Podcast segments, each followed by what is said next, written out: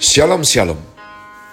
Selamat hari Sabtu 14 Agustus 2021 Saya Pendeta Kaleb Hofer Bintor dalam anugerahnya.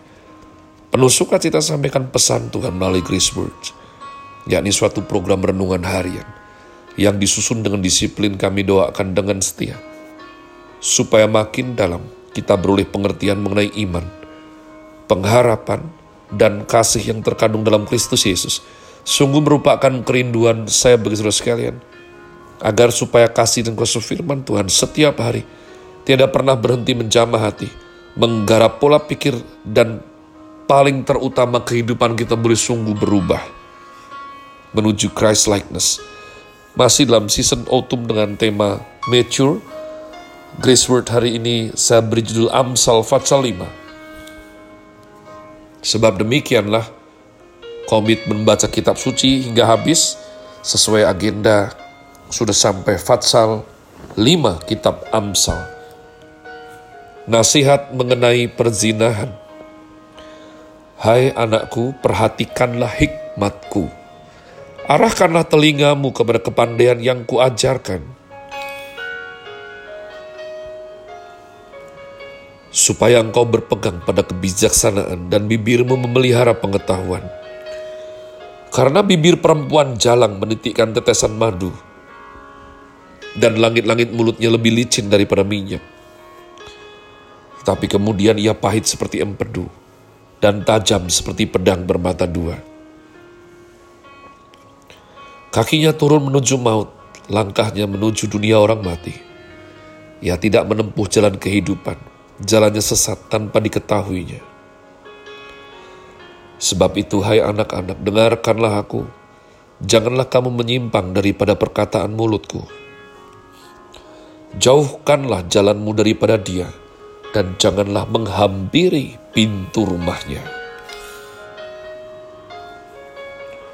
Supaya engkau jangan menyerahkan keremajaanmu kepada orang lain, dan tahun-tahun umurmu kepada orang kejam supaya orang lain jangan mengenyangkan diri dengan kekayaanmu, dan hasil susah payahmu jangan masuk ke rumah orang tidak dikenal. Dan pada akhirnya engkau akan mengeluh kalau daging dan tubuhmu habis binasa. Lalu engkau akan berkata, ah, ah, mengapa aku benci kepada didikan dan hatiku menolak teguran. Mengapa aku tidak mendengarkan suara guru-guruku dan tidak mengarahkan telingaku kepada pengajar-pengajarku?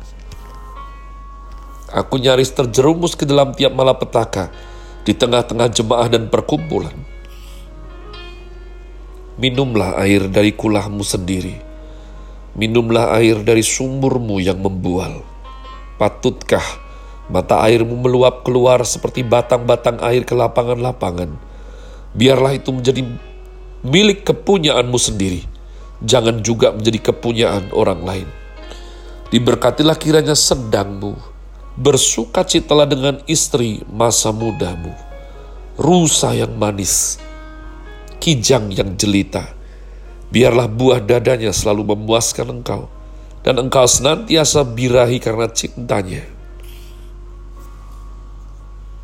Hai anakku, Mengapa engkau birahi akan perempuan jalang dan mendekap dada perempuan asing?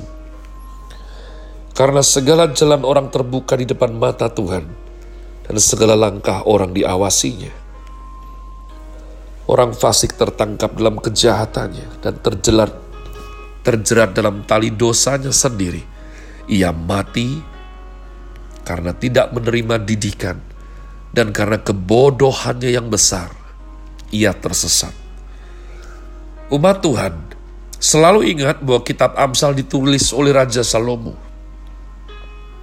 Sebelum dia menerima anugerah hikmat Tuhan, ya, Raja Salomo bukan orang bodoh.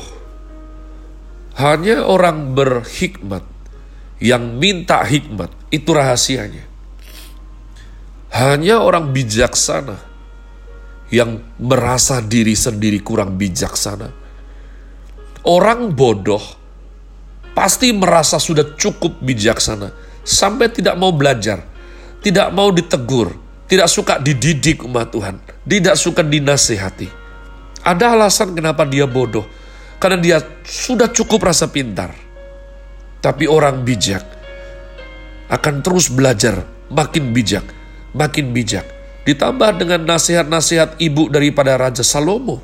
Dan bagaimana dia melihat keseluruhan pertumbuhan besar dengan segala macam Absalom, Tamar, Amnon, segala macam. Dia melihat kehidupan ayahnya Raja Daud. Semua itu ditambah dengan hikmat Tuhan. Hikmat, karunia hikmat yang luar biasa, murni yang diberikan sebagai talenta, sebagai karisma oleh Tuhan kepada dia. Muncullah Fatsal 5 atau keseluruhan daripada kitab Amsal ini yang isinya merupakan bijaksana. Ini ironis sekali. Ya, sebab engkau harus tahu bijaksana minta bijaksana dan bijaksana memakai bijaksananya Tuhan.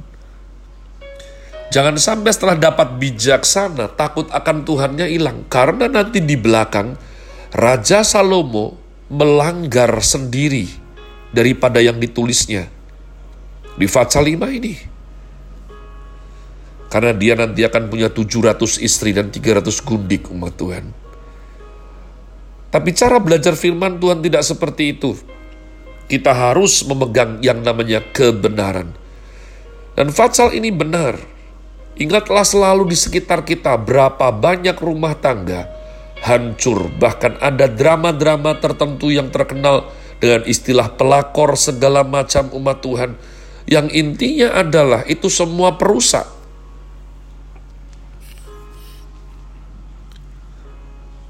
firman Tuhan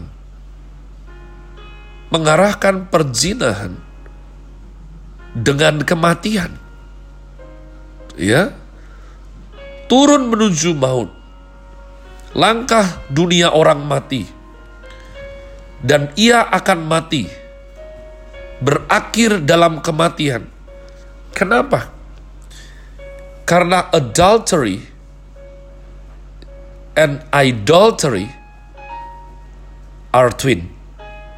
Jadi umat Tuhan, persis bagaimana praktek-praktek penyembahan berhala kuno selalu di dalamnya terkandung perjinahan, maka perjinahan itu sendiri ya adalah terkandung di dalamnya penyembahan berhala yang Tuhan tidak berkenan.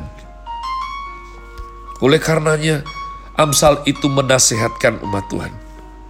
Jangan, jangan ke arah sana dan indah sekali dia ajarkan. Nanti kalau sudah hancur, daging tubuh habis binasa. Baru merasa dan berkata, ah mengapa aku benci didikan, hatiku menolak teguran. Semua kebodohan ini sebetulnya ya. Engkau seluruh pendengar setia Grace Words, sepersekian detik sebelum kamu jatuh. Bukankah hati nuranimu sudah berdengung? Bukankah sesungguhnya roh kudus sudah bertindak? Bukankah seharusnya engkau peka membaca semua tanda yang diberikan Tuhan. Seolah-olah berteriak, jangan, jangan. Tapi engkau menolak teguran, engkau benci didikan, engkau tidak mendengarkan suara guru-gurumu, tidak mengarahkan telinga kepada para pengajarmu, maka kamu nyaris terjerumus dalam tiap malapetaka. Ayat 14.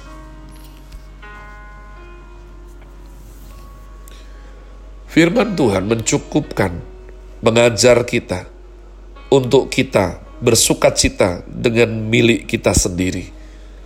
Maka dalam versi rumitnya tapi jangan dibahas sama Tuhan ya. Memang secara teknis Raja Salomo justru tidak berzina karena semuanya legal. 700 istri semuanya istri sah dia raja 300 gundiks atau concubine, saudaraku, itu juga ada jabatan yang sah daripada istana. Tapi lihatlah, walaupun mau dilegalkan seperti apa, ya, istri-istri Raja Salomo membawa dia kepada penyembahan berhala si adultery, idolatry. Sehingga kalau nanti kita baca, saya bersyukur puji Tuhan Raja Salomo mendapatkan kembali imannya karena dalam kitab pengkhotbah dia katakan terus-menerus yang paling penting takut akan Tuhan. Yang paling penting takut akan Tuhan. Tapi umat Tuhan dari penulisan kita pengkhotbah nanti kita akan baca betapa getirnya dan rumit serta peliknya masalah yang harus dihadapi daripada seorang raja yang dikatakan paling berhikmat di antara manusia di muka bumi ini. Hikmatnya bisa untuk memecahkan semua masalah politik, ekonomi, kerajaan, tapi tidak bisa untuk mengatur istrinya yang keterlaluan banyaknya. Jadi umat Tuhan, dengarkanlah nasihat Amsal Ya, cukupkan dirimu dan bersukacitalah dengan sedangmu sendiri. Dengan mata airmu sendiri. Ayat 18 cerdik sekali bersukacitalah dengan istri masa mudamu. Bukan dengan istri mudamu. Ya, bagus sekali. Saya berdoa, ini boleh mengajarkan kalau engkau suami, kau istri, kau bisa sungguh-sungguh mendapatkan sesuatu dan biarlah Tuhan memperbaharui anggur baru dalam pernikahan kalian.